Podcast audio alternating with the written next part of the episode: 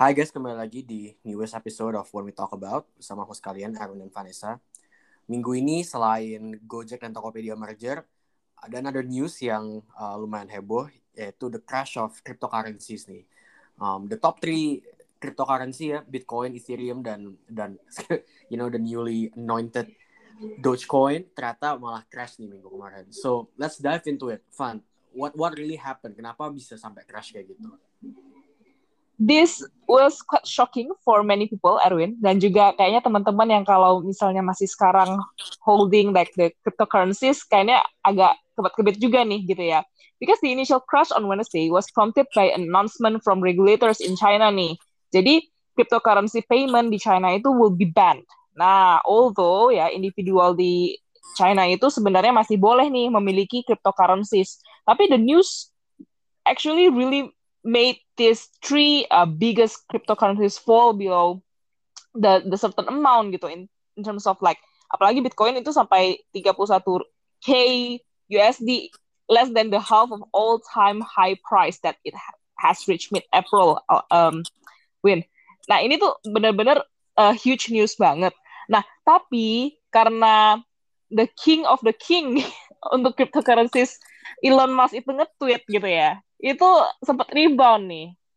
Jadi istilahnya walaupun um, it hits the severe, the most severe price crisis in the history for Bitcoin gitu ya. Nah, tapi dari uh, tweetingnya Elon Musk for the diamond hands itu akhirnya bisa rebound nih. Nah, what do you think of actually why this happen, Erwin? Um, ini ini menarik sebenarnya kalau misalnya kita mau tarik kembali gitu ya kenapa it it started and uh, why it happened. Sebenarnya I think Wednesday when when the National Bank of China announced uh, that apa namanya mereka not recommending uh, cryptocurrency, uh, even even I think that's that's kind of like the apa namanya one of one of the main event lah gitu. Cuman before that tuh uh, cryptocurrency emang udah lagi mulai turun uh, sempat gitu. Sebenarnya ada banyak banget penyebabnya. Uh, kalau kita bisa lihat sebenarnya the the the crypto market itu lumayan affected somehow by tweet-tweetnya Elon Musk, which is kind of crazy and volatile. Um, tapi uh, it, it it all started actually waktu Tesla announce bahwa um, mereka rethinking about enabling Bitcoin payments for for a Tesla car, right? So um, even even waktu when they when they announced that actually um, not every Bitcoin, no, sorry, not every cryptocurrency uh, actually going down tapi ada beberapa kripto yang juga akhirnya uh, malah malah naik gitu. It's, it's interesting have the reverse effect on some crypto gitu ya. Nah, um, on top of that, um, sebenarnya Elon Musk habis itu juga nge-tweet lagi bahwa ada ada ada desas-desus bahwa Tesla akan menjual aset Bitcoinnya gitu. Meskipun abis itu like Vanessa mention akhirnya di dia dia benerin lah tweetnya gitu ya supaya supaya nggak crash crash banget kayak gitu. That which is which is kind of crazy to me. Um, but you know I think I think it's a lot of it's it's a lot of suddenly negative public sentiment towards towards the the cryptocurrency sih. Mm-mm. Nah, itu juga salah satunya memang kalau kita trace back, right? Before even China announced these kinds of like ban towards like cryptocurrencies, itu memang dari awalnya itu uh, banyak banget regulator cracking down on crypto firms in the US gitu. Nah, jadi istilahnya because of like one of like the uh, biggest exchange ya Binance itu tuh activity-nya on potential money laundering and also tax offense charges. Nah, baru dari situ itu adalah the first wave, right? And then goes to the second wave when China also warned of potential regulations for corporate using crypto payments. Jadi investor sekarang jadinya lagi kebat-kebit istilahnya melihat alternatives and definitely not only like affecting the cryptocurrencies but also maybe to the larger scale ya. Uh, Erwin and also the audience. Nah, tapi sebenarnya menarik ini Erwin. So how will this actually affect the market? As you mentioned gitu kan, ada beberapa cryptocurrencies yang actually kind of like thriving despite the crashes. Jadi gimana tuh Win? Yeah, so um first thing first, cryptocurrency kan the one of the biggest question mark with cryptocurrency is people are saying this is not fiat money kan. Ini ini nggak punya intrinsic value karena it's all speculative gitu, nggak ada uh, apa namanya uh, you don't have any any any fundamentals gitu behind why the price is the price it is today gitu um, makanya uh, sebenarnya we wanna talk about what's the impact we have to look back at the use cases of cryptocurrency sampai sekarang kayak gitu ya. Nah, oh, one of the reason kenapa akhirnya kemarin the crypto market itu booming naik waktu Elon Musk tweeted something itu karena uh, what Elon Musk tweeted was he was basically saying bahwa we're accepting Bitcoin payment for Tesla, which means akhirnya cryptocurrency jadi punya use case transactional value, ya which will be very interesting karena kita bisa ngeliat uh, nanti gimana nih uh, fundamentalsnya akhirnya finally tied up with a with a product kayak gitu.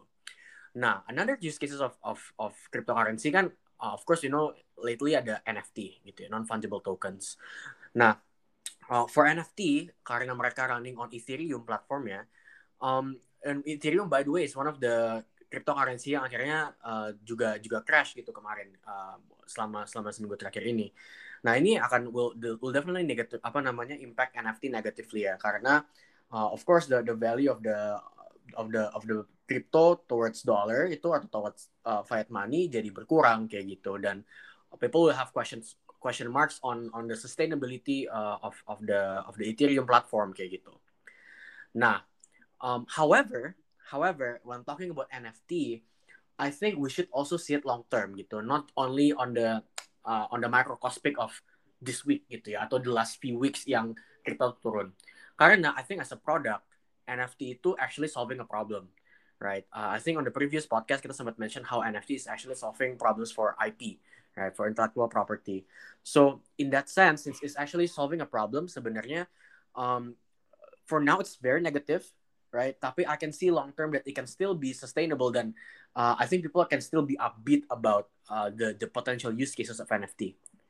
Now another thing yang interestingly malah go up as we uh, previously mentioned is Cardano uh, with their uh, crypto money ADA gitu ya. Cardano itu is a it's a blockchain, uh, it's a blockchain platform, uh, kind of like Ethereum, kind of like Bitcoin, right?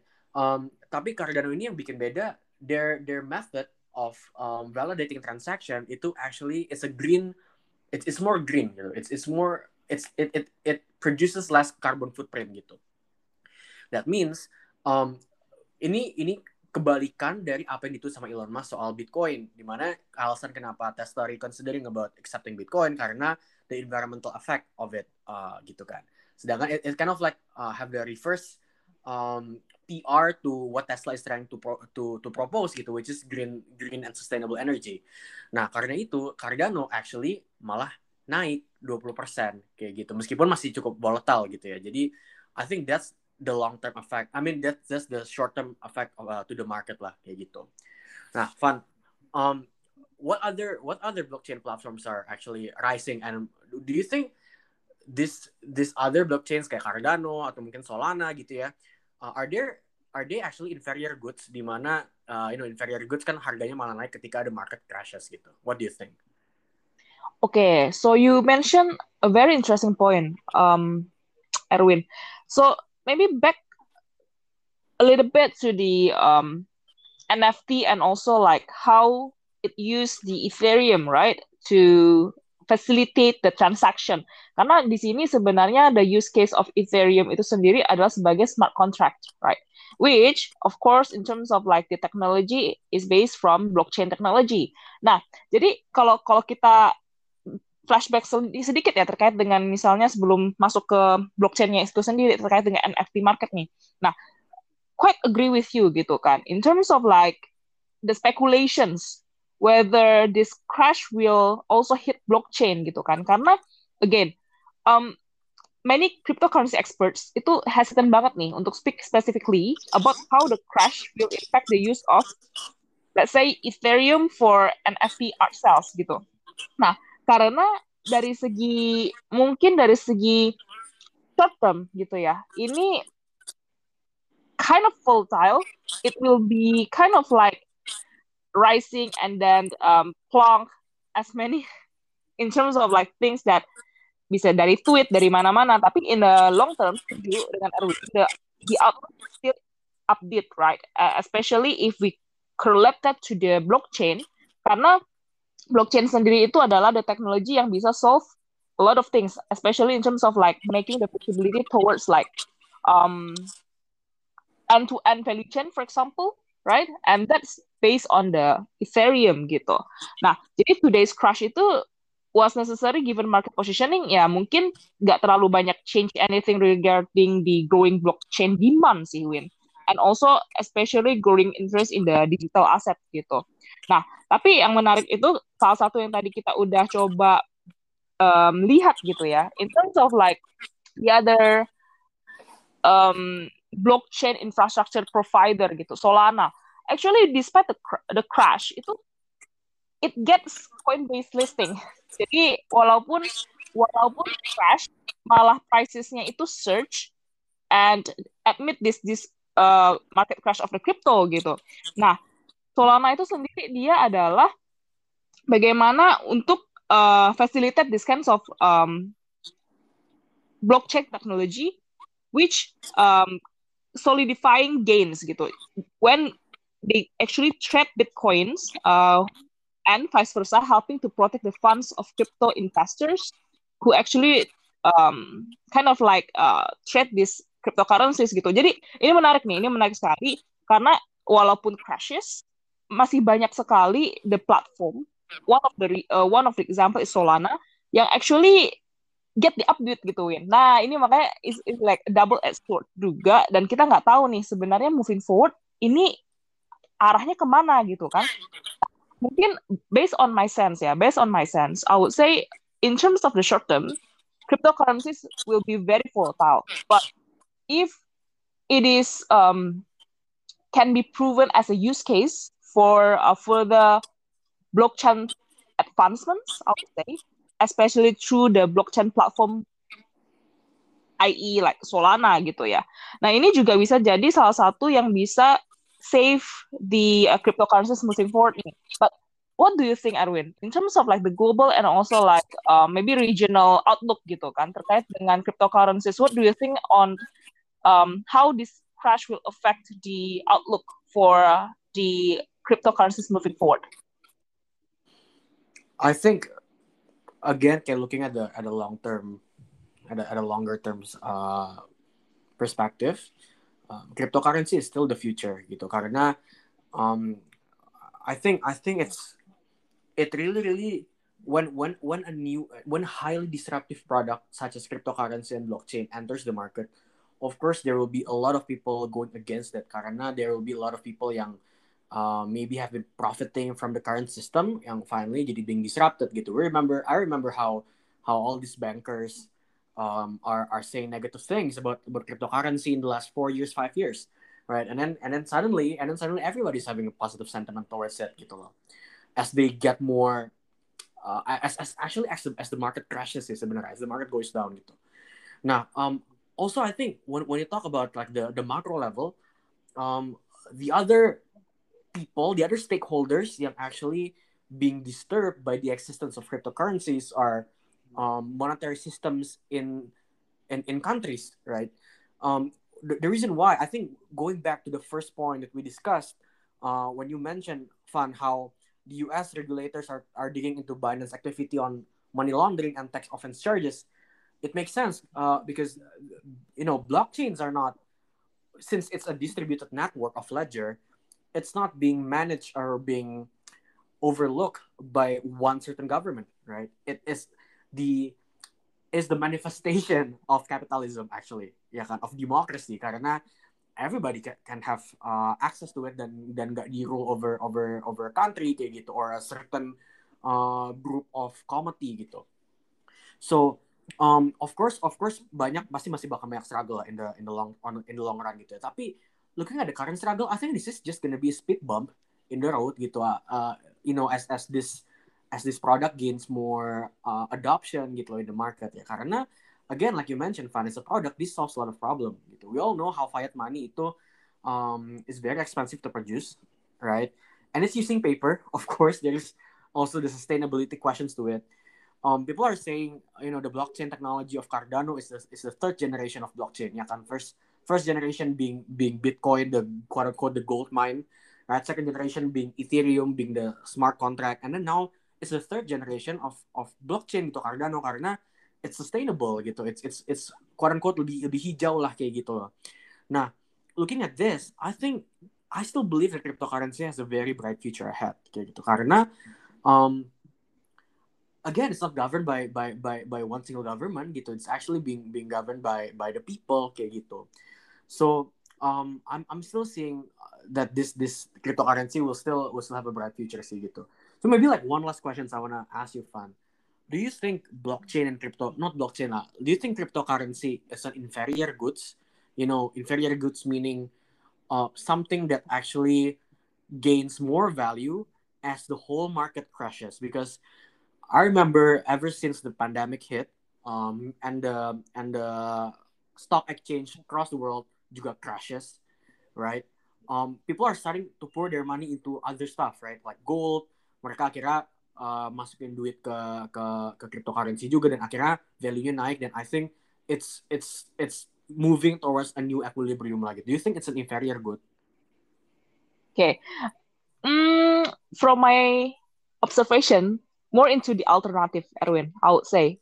Because again, uh, the market moves towards like several kind of like uh, instruments, right? Financial instruments. And I would say that cryptocurrencies is like another instruments um, as the alternative instruments. Nah, tapi menarik yang you mentioned about this before, right? Whether these cryptocurrencies will have like a positive outlook moving forward in the future gitu.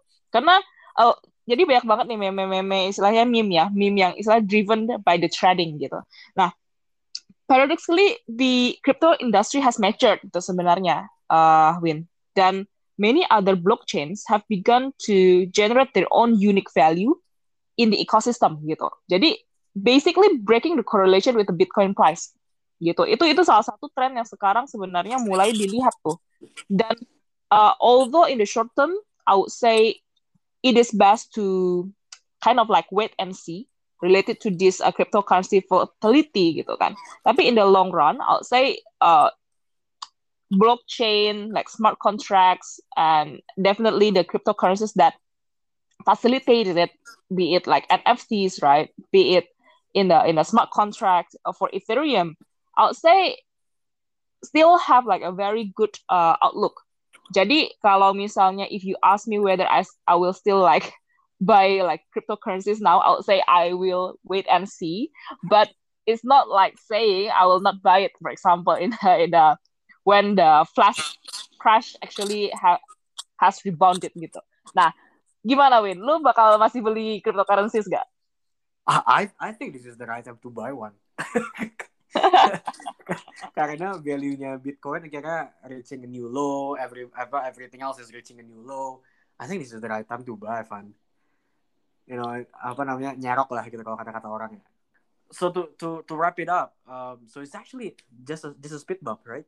I mean, um, of course the the the the, the cryptocurrency will, will always be affected by different uh, news, different PR coming from different stakeholders in the world. Um, but again, we see the the value that it brings as a product, gitu, as a solution to to the problem of fiat money. So, um, thank you guys for listening to our podcast. Uh, don't forget to subscribe to Spotify and Apple Podcasts, and also follow us on Instagram at when we talk about. This is your host, and Vanessa, and see you in the next episode. Bye. Bye.